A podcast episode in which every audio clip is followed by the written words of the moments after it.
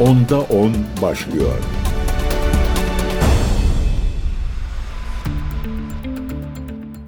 Değerli CGTN Türk takipçileri ben Gökün Göçmen Onda 10 programındasınız.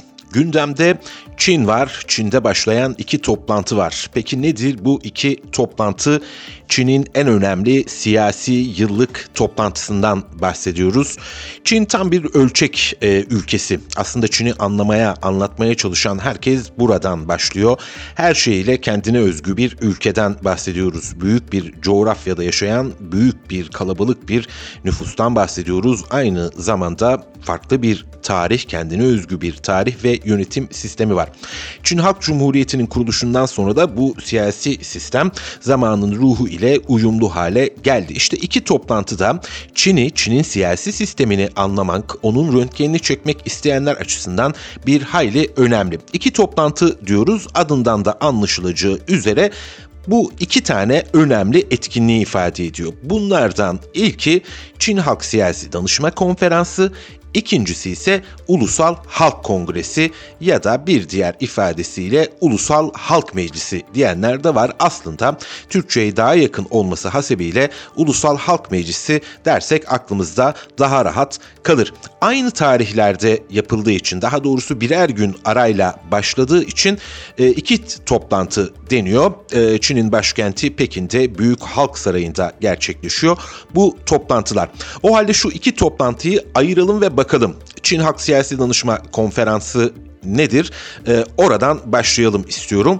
Çin Komünist Partisi dışındaki 8 partiden ve toplumun farklı kesimlerinden 2000'in üzerindeki temsilcinin katılımı ile adından da anlaşılacağı üzere istişare görevi üstleniyor efendim. Çin Halk Siyasi Danışma Konferansı 14.sü düzenlenecek. Çin'in başkenti Pekin'de dedik. Toplumun çeşitli kesimlerinden burada temsilciler yer alıyor. Farklı partiler. Zannedilenin aksine Çin'de tek bir parti yok. Yöneten devleti yöneten tek bir parti olmasına karşın 8 tane de farklı yurtsever parti bulunuyor efendim. İşte bu partinin partilerin temsilcileri ve kimi sektörlerden örneğin son zamanlarda işte yapay zekadan bahsediyoruz, bilişimden bahsediyoruz. İşte buralardan gelen temsilciler, bilim insanları, sanatçılar ulusal e, halk siyasi danışma konferansına katılarak istişarelerde bulunuyorlar, önerilerini sunuyorlar. Bu öneriler özellikle ekonomi alanında da bir hayli önemli bilim insanlarının katılımıyla. E, Ulusal Halk Kongresi ya da biraz önce ifade ettiğimiz haliyle Ulusal Halk Meclisi ise Çin'deki en üst yasama organı. E, 3000 delegeyle toplanıyor efendim. Bu oldukça önemli. Eyalet ve şehirlerden ilçe ve kasabalara ya da köylere kadar ülkenin en ücra köşesinden halk meclisleri eliyle seçiliyor bu vekiller. Hani e, Batı'nın genellikle Çin'e karşı öne sürdüğü iddialardan bir tanesi nedir? İşte orada bir demokrasi yok, otokrat bir rejim ki işte ABD Başkanı Joe Biden zaten uluslararası anlamda da böyle bir saflaşmadan bahsediyor. Ülkeleri e, böyle yanına çekmek istiyor ama Çinliler de diyor ki hayır biz kendi koşullarımıza uygun bir halk demokrasisi işletiyoruz. Bizdeki öyle mecliste yer alan delegeler e, lobilerin Amerika'da olduğu gibi lobilerin çalışmasıyla işte büyük firmaların desteğiyle gelmiyorlar. Eyaletlerden, şehirlerden, ilçelerden, kasabalardan, köylerden halk meclisi eliyle seçimlerle geliyorlar ve biz de buna tam kapsamlı demokrasi diyoruz diyor efendim Çinli yetkililer. Benim sevdiğim tanımlardan bir tanesi de daha doğrusu ilginç bulduğum tanımlardan bir tanesi de Peking Üniversitesi'nden Patrick Mayer'in yaptığı bir e, tanım. The Diplomat e, dergisine yazdığı makalede diyor ki Çin'de demokrasi kılcal demokrasi olarak adlandırılabilir. Yani toplumun bütün kesimlerine kılcal damarlar deriz ya hani kılcal damarlarına kadar yayılan bir demokrasiden bahsediyoruz. Dolayısıyla şimdi bu iki toplantı yani Çin Ulusal Halk Danışma Konferansı ve Çin Ulusal Halk Meclisi toplantıları Çin'in siyasi sisteminin röntgenini çekmek isteyenler açısından bir hayli önemli ve bu toplantılarda aynı zamanda biz Çin'in yeni dönemde izleyeceği yol haritalarını öğreniyoruz. Hangi adımlar atılacak, hangi yasalar çıkartılacak bunları anlamamız mümkün olacak bu toplantı sayesinde. Elbette bu toplantıya giderken Çin çeşitli evrelerden geçti, çeşitli toplantılar yaptı. Çin Cumhurbaşkanı Xi Jinping'in açıklamaları vardı. İşte biz o açıklamalara, yayımlanan belgelere bakarak aslında ekonomide, dış politikada hangi yönelime gidileceğini anlayabiliriz biliriz. Buradan sinyaller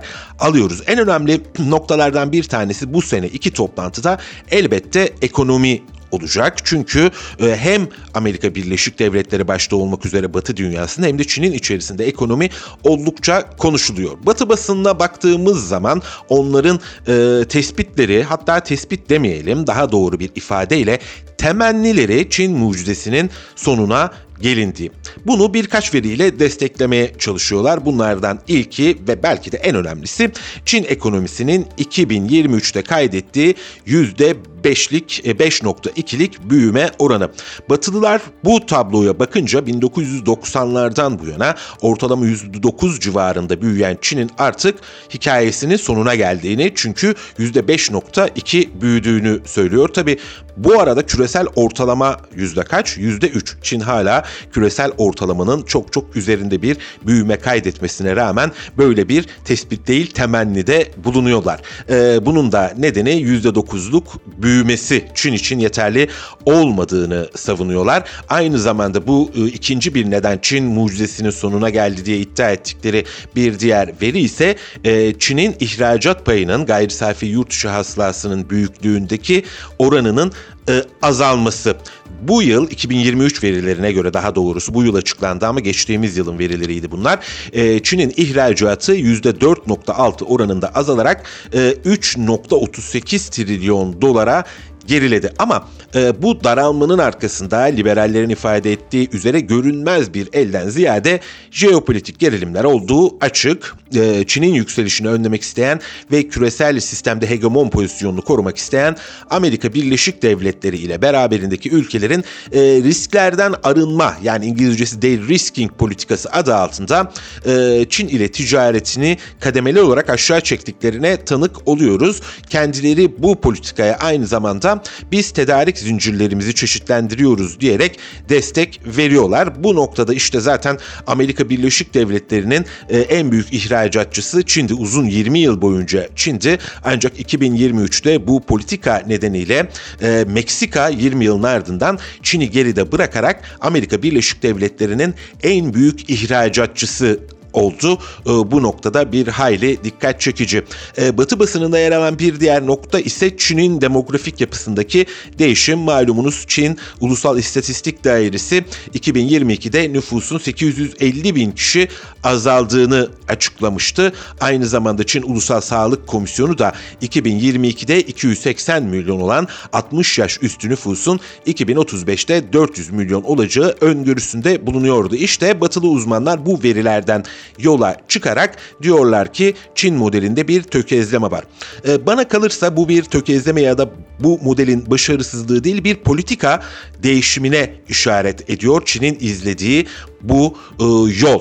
Çünkü Çin uzunca bir süredir zaten e, istikrarlı bir büyümeden bahsediyor. Devasa büyüme rakamlarından değil, kısa vadeli büyüme oranları penceresinden ekonomiyi tahlil etmenin miyopluk olduğunu düşünen Çin liderliğine göre yapılması gereken zamanın ruhunu yakalayacak şekilde üretim araçlarını ve üretim ilişkilerini sancılı da olsa efendim değiştirmeyi başarmak.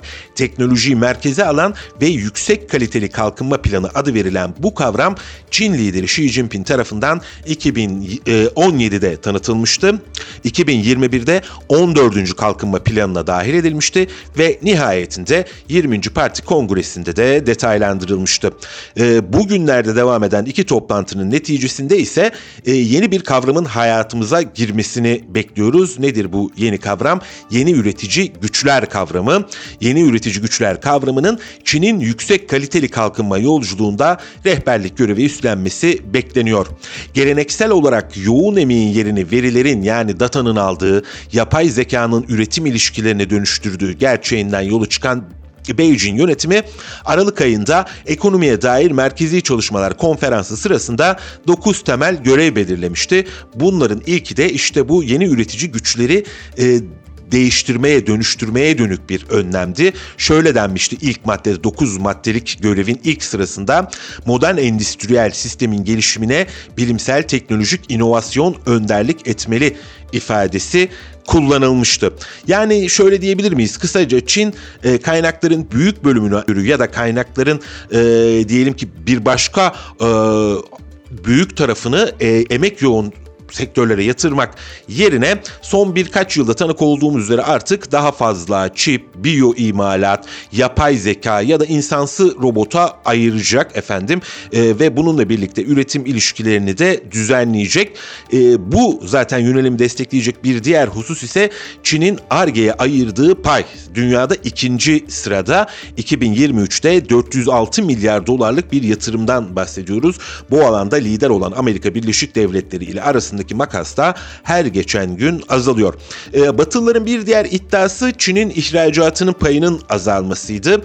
E, biraz önce yine belirttiğim üzere zaten bunda değişen jeopolitik manzara etkili. Eski ABD Başkanı Donald Trump döneminde başlayan ve mevcut başkan Joe Biden ile devam eden ticaret savaşları ve küresel anlamda da artan korumacılık eğitimi üzeri eğilimi üzerine e, Pekin yönetimi de artık iç talebe daha fazla ağırlık vermeye başladı. Bu demek değil ki Çin dışarıdan yatırım kabul etmeyecek. Bu demek değil ki Çin dışarıya mal satmayacak. Hayır Çin e, reform ve dışa açılma döneminden bu yana izlediği o dışa açıklık politikasını devam ettirecek. Ancak değişen jeopolitik koşullar nedeniyle de iç pazara verdiği önemi arttıracak. Bu yeni kalkınma modelinin bir diğer hususu ki bu noktada da bir başka başarı sağlandı. İç tü tüketimin gayri safi yurt şahıslası büyümesindeki payı %43.1 arttı ve %82'ye taşındı. Dolayısıyla dış talebe olan bağımlılık görüntüsünden de Çin'in sıyrıldığını söylemek mümkün. Günün sonunda şunu anlatabiliriz o halde.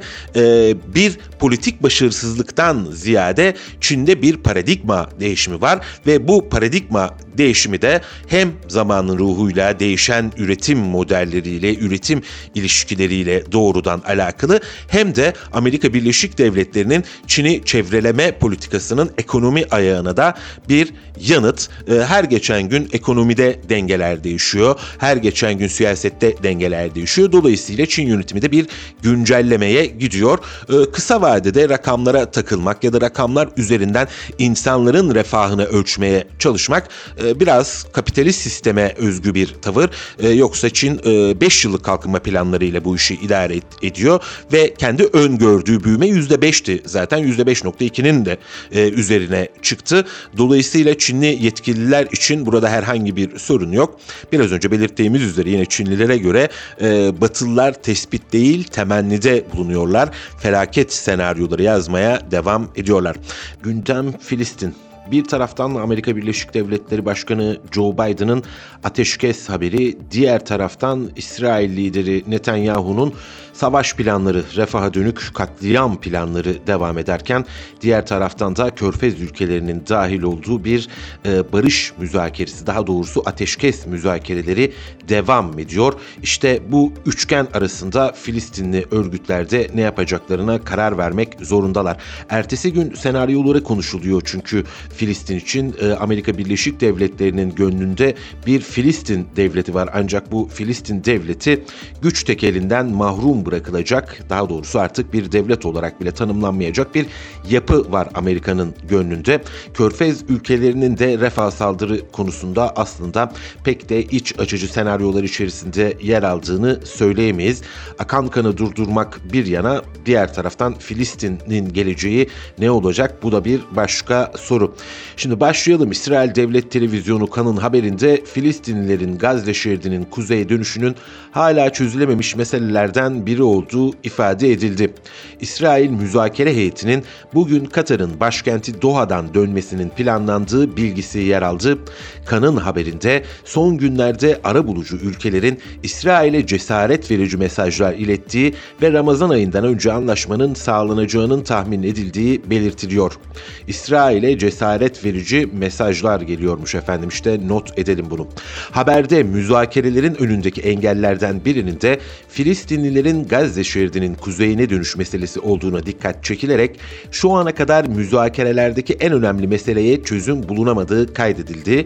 Biliyorsunuz savaşın başlangıcından 7 Ekim'den bu yana İsrail önce e, Gazze'nin kuzeyini vurmuştu. Daha sonra ortasını hedef almıştı ve şimdi de gündeminde güney tarafı yani Refah kenti var. Peki Refah'ı vurduğu takdirde güneydekiler nereye gidecekler? E, tek bir seçenekleri var. Tekrar kuzeye doğru hareket edecekler.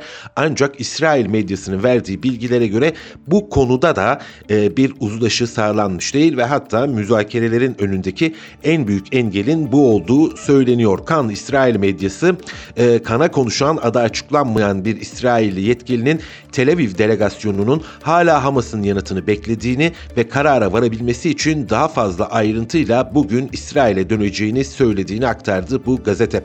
İsrailli gazete bir başka Yediot Ahronot ise İsrail'in geçen hafta Fransa'nın başkenti Paris'te yapılan müzakereler sırasında askerlik çağında olmayan Gazze'li kadın ve erkeklerin kademeli olarak Gazze'nin kuzeyine dönmesine izin verilmesini kabul ettiğini ancak Hamas'ın ayrım yapılmaksızın tüm Filistinlilerin dönmesini şart koştuğu ifade edildi. Öyle ya kadınlar ve çocuklar Gazze'nin kuzeyine geri dönecekler. Peki erkekler ne yapacak? Erkekler Mısır'a mı gidecek? Çünkü Refah'ın ardında Mısır var. Kuzeye doğru hareket edemeyeceklerse o halde İsrail'in planı Filistinli erkekleri e, Sina çöllerine yani Mısır'ın içerisine kadar sürmek. Bunun da adı işte tehcir politikası oluyor. Gazetenin Yediot Ahronot'un İsrail'e kaynaklara dayandırdığı haberinde eninde sonunda anlaşma olacak ama hala doldurulması gereken boşluklar var değerlendirilmesine yer verildi. Adı açıklanmayan İsrailli kaynaklar gazeteye yaptıkları açıklamada şu ana kadar rakamlar yani Gazze'deki İsrailli esirler ve serbest bırakılması beklenen Filistinli tutsaklardan bahsediyorum. İsrail ordusunun Gazze şeridini konuşlandırılması ve ateşkes üzerinde çalışıyoruz demiş. Yani 3 tane temel başlık var. Bir tanesi biraz önce bahsettiğim Gazze'nin kuzeyine kimler gidecek? İkincisi ateşkesin süresi ne kadar olacak? Ve üçüncüsü de İsrailli e, tutsaklar ile İsrail'e esirler ile e, Filistinli tutsakların e, esir değişimi nasıl gerçekleşecek? E, denilebilir ki işte bir İsrailli serbest bırakılacak. Karşılığında da 10 Filistinli geri alınacak. Tabi farazi olarak bu rakamları aktarıyorum ama muhtemelen bırakılan İsrailliden kat ve kat fazla Filistinlinin tutsak kalması istenecektir. Çünkü e, İsrail birçok Filistinli adeta politik esir gibi e, orada tutsak ediyor.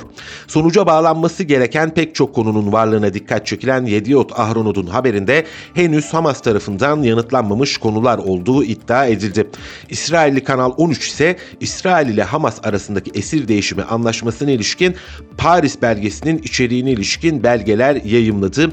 İsrail'in onayını aldığı iddia edilen Paris belgesine göre anlaşmanın ilk aşamasının 40 gün süreceği ve bu süre zarfında Gazze şeridinde ateşkes olacağı kaydedildi kaydedildi.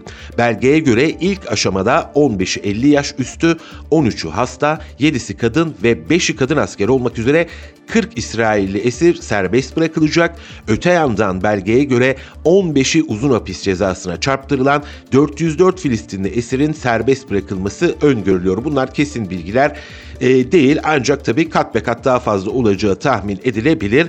Anlaşma kapsamında ilk etapta Gazze'ye 500 yardım tırının girmesi bekleniyor. Zaten 7 Kasım'dan önce de Gazze'ye günlük 500 yardım tırı giriyordu. E, burada dikkat çekici, çeken bir diğer husus şu e, bu müzakereler öncesinde Hamas e, süresiz bir ateşkesi şart koşuyordu. Ancak Paris belgesinde iddialara göre görünen o ki 40 günlük bir e, ateşkesten bahsediyor. Bu da Ramazan ayına denk gelecek. Peki Ramazan ayının ardından ne yapacak? İşte Ramazan ayının ardından aslında İsrail'in lideri Netanyahu e, Refah saldıracaklarının sinyalini verdi. Hatta e, savaş planını da kabineye de sunmuş bulunuyor. Son aşamaya geçecek İsrail'in Gazze'nin Mısır sınırındaki Refah kentine saldırmasıyla savaşta artık son aşamaya geçilecek diyebiliriz.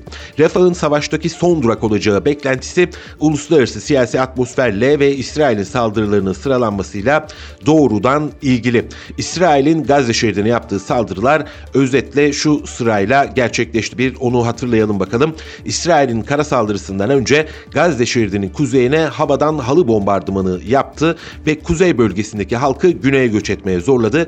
Kara saldırısını ise 3 aşamalı olarak sürdürdü.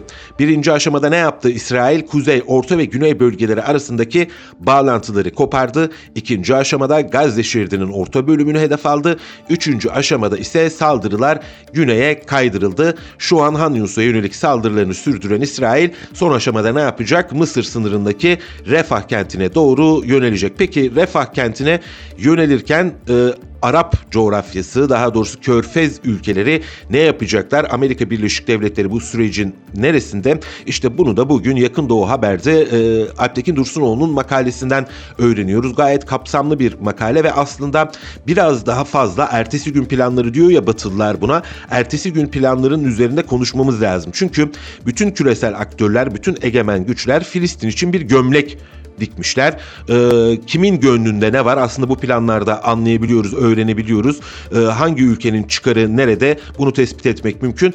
Peki Filistinli örgütler ne yapacak? Bu da bambaşka bir tartışma konusu. Ama bugün şu makaleyi aktaralım ve üzerine biraz konuşalım.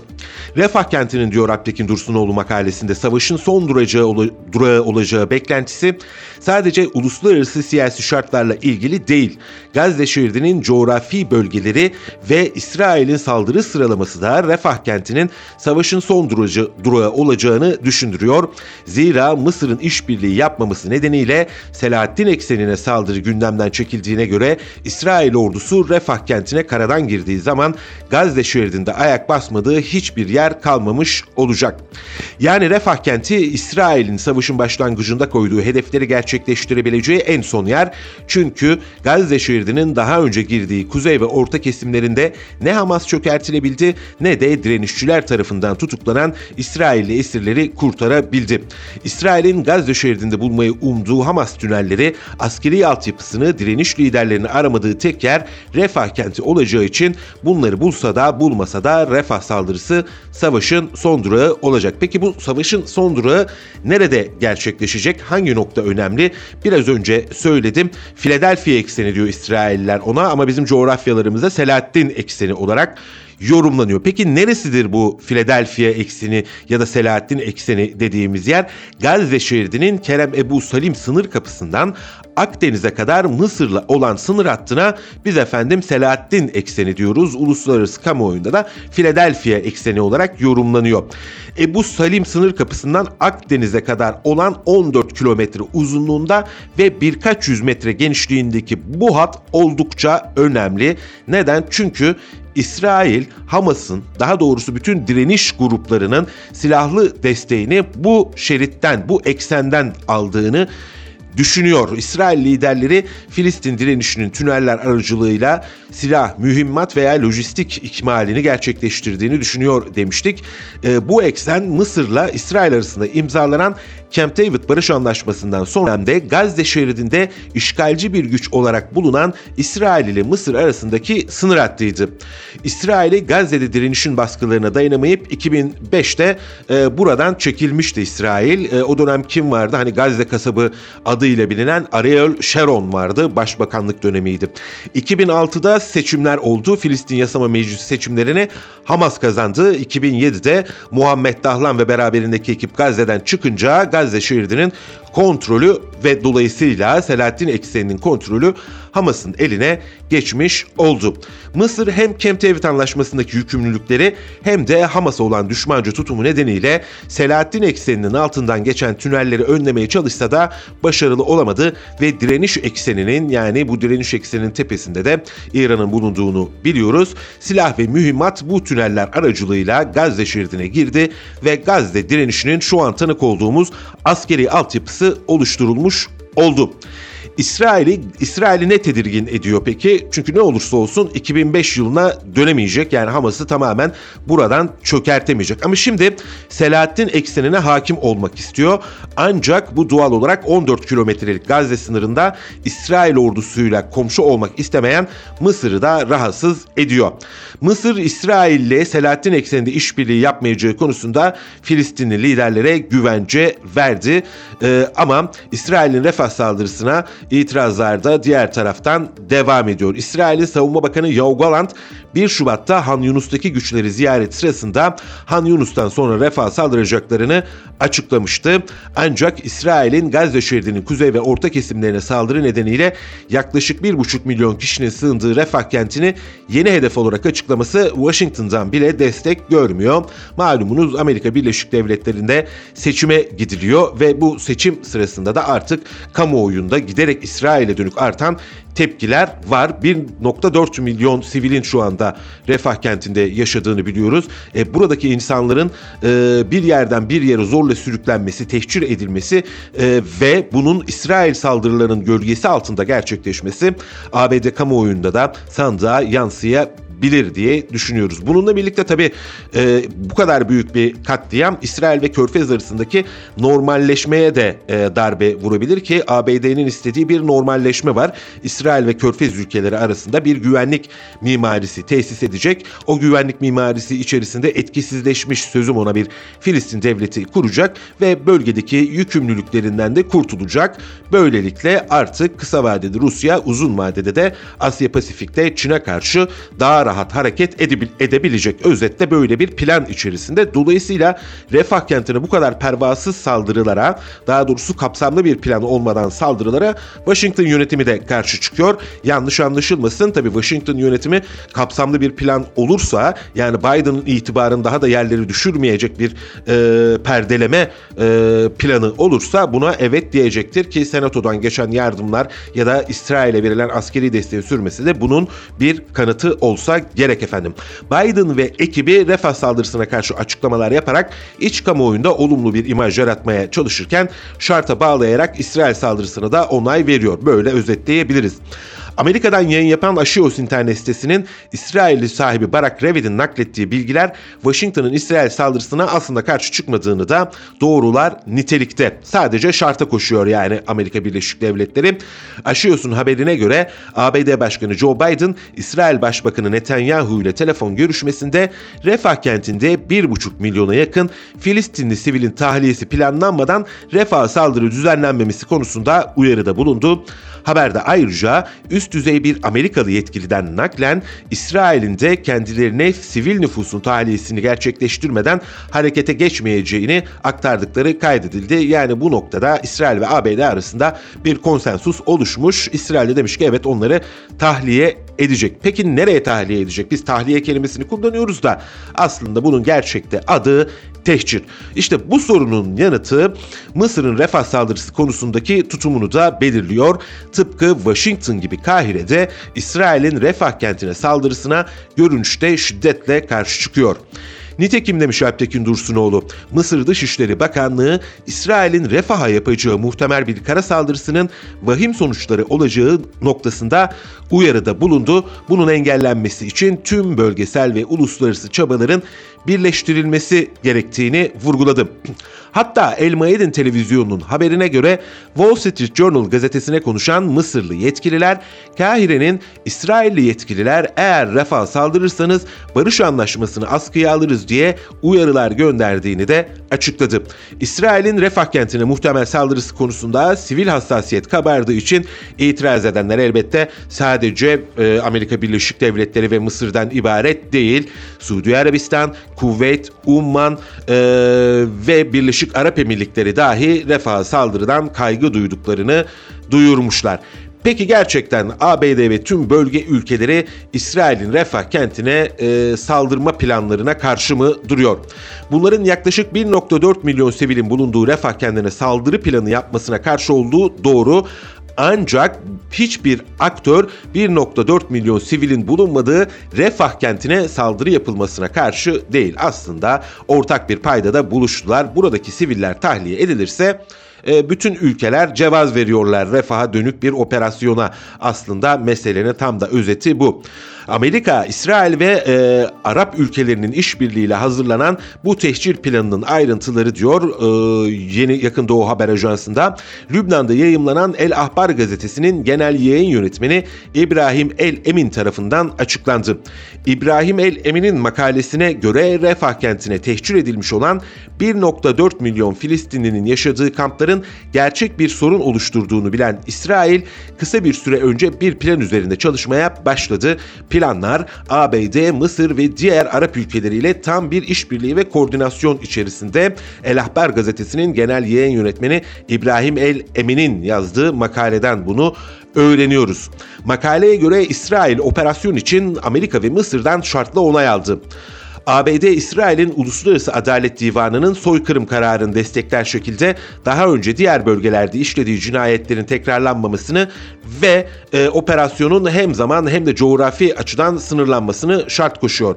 Mısır ise Refah'taki halkın Sina'ya tehcir edilmemesini ve İsrail'in Filistin direnişini yok etmesinden sonra Gazze'deki yönetimin Kahire tarafından belirlenmesini istiyor. Yani artık ertesi gün planlarına geçeceğiz. Onları da tartışacağız. Bakalım Filistin'de kim nasıl bir yönetim istiyormuş ama önce şu Refah halkını tehciri için üretilen planın detaylarına bakalım El Ahbar gazetesinden nakledelim sizlere efendim.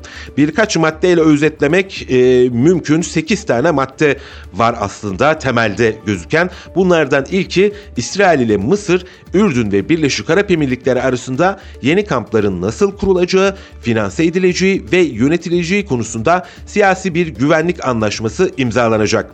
Amerika Birleşik Devletleri Mısır'a Mısır'ın harcamayı taahhüt ettiği kadar ödeme yapacak. Yani İsrail'in Refah'a zahmetsizce saldırabilmesi için 1,5 milyonlu Filistin'in yerleştirileceği çadır kentlerin parasını ABD ve Birleşik Arap Emirlikleri verecek. Kendi komisyonunu aldıktan sonra bu işin hammaliyesi kime kalacak? El Ahbar'dan öğrendiğimize göre Mısır. Göçmenleri özellikle Gazze şeridinin batı bölgelerinde ve El Mevasi bölgelerinden yani Gazze şeridinin güneybatısından Şeyh Aklin bölgesine yani Gazze'nin güneyine kadar uzanan bir kıyı şeridinde toplamak var efendim bu planın kalbinde. Yani refahtan teşkil edilecek olan 1,5 milyon sivil Mısır'a değil ABD ve Mısır'ın kazandığı parayla Gazze'nin kıyı şeridine inşa edilecek olan çadır kentlere gönderilecek. Çadır kentler için belirlenen 12 ila 15 arasındaki toplanma merkezlerinden en büyüğü iki noktada olacak. Yaklaşık 1 milyon kişi de Güney El Mavasi ile Gazze şeridinin merkezine yakın Sharm Park'ta kurulacak olan bu iki kampa sıkıştırılmış olacak. Şeyaklin bölgesinden ve Gazze Vadisi'nin kuzeyinden doğuya doğru uzanan Gazze'nin kuzeyinin tamamı izole edilecek ve burada hiçbir insani destek faaliyeti gerçekleştirilmeyecek. Bunun yerine geri kalan nüfus destek almak için kamp alanlarına taşınacaklar plana göre. Her çadır kent yaklaşık 25 bin çadırdan oluşacak. Çadır kentlerin yönetiminde Hamas'la bağlantısı olan hiç kimseye siyasi ve idari görev verilmeyecek. Mısır tarafındaki tüm sınır kapılarından yani Refah ve Kerem Ebu Selim sınır kapılarından İsrail sorumlu olacak. Kerem Ebu Selim neredeydi işte efendim? Selahattin Eksin dediğimiz yerdeydi. Mısır'da yani de facto olarak burada kontrolü o halde e, ele geçirmiş olacak. Birleşik Arap Emirlikleri Şam Park'ın karşısında bölgede yüzen bir liman kuracaklarmış plana göre yardımlar İsrail tarafından önceden denetlenerek buraya indirilecek ve El Raşid Caddesi üzerinden araçlarla dağıtılacak e, çadır kentin su gibi altyapı inşasından da Mısır sorumlu olacak. Amerika Birleşik Devletleri bu işin finansmanı için de Suudi Arabistan'ı görevlendirecek. Yani parayı Suudi Arabistan yapacak. E, Mısır bu paranın kontrolünü elinde tutup kullanacak. Planı kim yapıyor? Amerika Birleşik Devletleri. İşte devasa 1.4 milyon insanın e, dehşet edici e, tehcir planından ayrıntılar böyle. insan gerçekten e, ne diyeceğini bilemiyor. Bu bölgede Sahra hastaneleri de kurulacakmış. Şu anda olduğu gibi yaralıların Gazze şeridinin dışına çıkarılması tamamen İsrail'in iznine bağlı olacak. Gazze şeridi dışına tahliye edilecek olan hasta ve yaralıların listesi önceden İsrail'e verilecekmiş efendim. İşte tabloda bu şekilde. Neden önceden İsrail'e veriliyor? Çünkü İsrail'in kırmızı çizgilerinden bir tanesi de buradaki yaralıların, buradaki kişilerin İran'a, Suriye'ye ve Lübnan'a nakledilmemesi. Yani direniş ekseni cephesine geçmesini istemiyor. Bir önceki bölümde Çin'in Filistin meselesine dair açıklamalarına değinmiştik. O halde bir de Ukrayna mesaisi var Çin'in. Oradan devam edelim. Çin'in Avrasya işlerinden sorumlu özel temsilcisi Li Hui'nin Ukrayna krizinin siyasi çözümüne yönelik ara buluculuk girişimi çerçevesinde Moskova, Kiev ve Avrupa başkentlerini ziyaret edeceği bildirildi. Yani Çin mekik diplomasisine devam ediyor. Ukrayna krizinin siyasi çözümüne ilişkin hazırladığı 12 maddelik bir yol haritası vardı. Bu yol haritası uyarınca bu ikinci kez bölge turu olacak Li Hui'nin. Dışişleri Bakanlığı Sözcüsü Mao Ning, başkent Beijing'de düzenlenen olağan basın toplantısında Li'nin mekik diplomasisinin ikinci turu için 2 Mart'tan itibaren Rusya, Polonya, Ukrayna, Almanya ve Fransa'yı ziyaret edeceğini, Brüksel'de Avrupa Birliği yetkilileriyle görüşeceğini duyurdu. Çin'in Ukrayna krizinde barışa yönelik çabaları desteklemekten vazgeçmediğini vurgulayan Mao, krizin siyasi çözümüne yönelik uluslararası mutabakat sağlanması için yapıcı rol oynamayı sürdüreceklerini belirtti. Çin Cumhurbaşkanı Xi Jinping 26 Nisan 2023'te Ukrayna lideri Volodymyr Zelenski ile yaptığı telefon görüşmesinde krizin siyasi çözümü için görüşmeler yürütmek üzere Çin'in Avrasya işlerinden sorumlu özel temsilcisi Li Hui'yi görevlendireceğini bildirmişti. Li 15 Mayıs 2023'te Ukrayna'nın başkenti Kiev'de başladığı ziyaretlerinde sırasıyla Polonya, Fransa, Almanya ve Rusya'da temaslarda bulunmuş ancak tabii ne yazık ki savaşı durduramamıştı. Bakan yardımcısı seviyesindeki bir diplomat olan Li 2009-2019 döneminde Çin'in Moskova Büyükelçisi olarak görev yapmıştı. Rusya Devlet Başkanı Vladimir Putin'in aşina olduğu bir isim olan Li, Kremlin tarafından güvenilir ve ikna edici bir figür olarak görülüyor. Sadece Kremlin tarafında mı Çin'in çabaları takdir görüyor? Son zamanlarda Ukrayna'da aslında Çin'in rolüne daha fazla vurgu yapmaya başladı. Örneğin Ukrayna lideri Volodymyr Zelenski Davos'ta yaptığı konuşmasında Çin ile her düzeyde ilişkileri geliştirmek istediklerini söylemişti. Bir barış müzakeresi olursa Çin'i burada görmek istediklerinin altını çizmişti. Daha sonra Münih Güvenlik Konferansı'nda Çin Dışişleri Bakanı ve Çin Komünist Partisi siyasi bir üyesi, Merkez Komite siyasi bir üyesi Wang Yi ile Ukrayna Dışişleri Bakanı Dimitri Kuleba bir araya gelmişlerdi. Kuleba burada yaptığı açıklamalarda Beijing'e teşekkür etmişti. Ee, Ukrayna krizinin siyasi çözümüne dönük çabalarından ötürü bakalım bu mekik diplomasisinin ikinci turunda e, nasıl bir tablo ortaya çıkacak. Ancak Amerika Birleşik Devletleri'nin Batı'nın açıklamalarına bakılacak olursa ne yazık ki pek de ümitli değiliz. Çünkü bu ülkeler e, uzun bir savaş arzuluyorlar ve hatta öyle ki Macron asker göndermeyi kategorik olarak reddetmeyeceklerini söyledi. Almanya'dan, NATO'dan açıklamalar geldi ancak e, karşı yönde açıklamalar geldi ancak bir kere cin şişeden çıktı artık. E, daha fazla ülke asker gönderecek mi acaba diye merakla bekliyor. Zelenski de Arnavutluğun başkenti Tiran'da düzenlenen Ukrayna Güneydoğu Avrupa zirvesinde e, konuştu. Arnavutluk yönetiminin Ukrayna'ya sağladığı askeri, insani ve siyasi desteğinden dolayı Arnavutluk Başbakanı Edirama'ya teşekkür etti. Avrupa, Avrupa Atlantik topluluklarının ilkelerine bağlı olan ve bu toplulukların üyesi olmak isteyen Avrupa'daki her halkın tam entegrasyonu hak ettiğini iddia eden Zelenski, Ukrayna ülkelerinizi entegrasyon yolunda destekliyor ve bizi desteklediğiniz için minnettar. Avrupa Birliği ve NATO Avrupa için en uzun ve en sağlam güvenlik ve ekonomik kalkınma dönemini sağladı Hepimiz Avrupa ve Avrupa Atlantik topluluklarının bir parçası olmayı eşit derecede hak ediyoruz dedi. Hem Avrupa hem de Avrupa Atlantik hattının yani ne demek istiyor? Hem Avrupa Birliği üyesi olalım hem de NATO üyesi olalım. Zelenski Ukrayna'nın barış formülüne verdiği desteklerinden dolayı ülkelerin liderlerine teşekkür ederek zirveye katılan liderleri İsviçre'de devlet başkanları düzeyinde yapılacak küresel barış zirvesine davet etti. E, buradan bir sonuç çıkması muhtemel değil. Çünkü Rusya'nın dışlandığı bir barış zirvesinden bahsediyoruz. E, Dimitri Peskov da Kremlin sözcüsü demişti zaten toplanabilirsiniz, toplanmak kolay. Ancak Rusya yoksa sonuç alamazsınız demişti. Yani ölü doğan bir barış girişiminden bahsetmek mümkün. Masada Ukrayna, e, özür dilerim masada Rusya olmadığı sürece bir barışın sağlanması beklenmiyor. Ukrayna krizin bir bölümü şimdi acaba bir de Transdniester'de mi e, çatışmalar çıkacak, ihtilaflar çıkacak.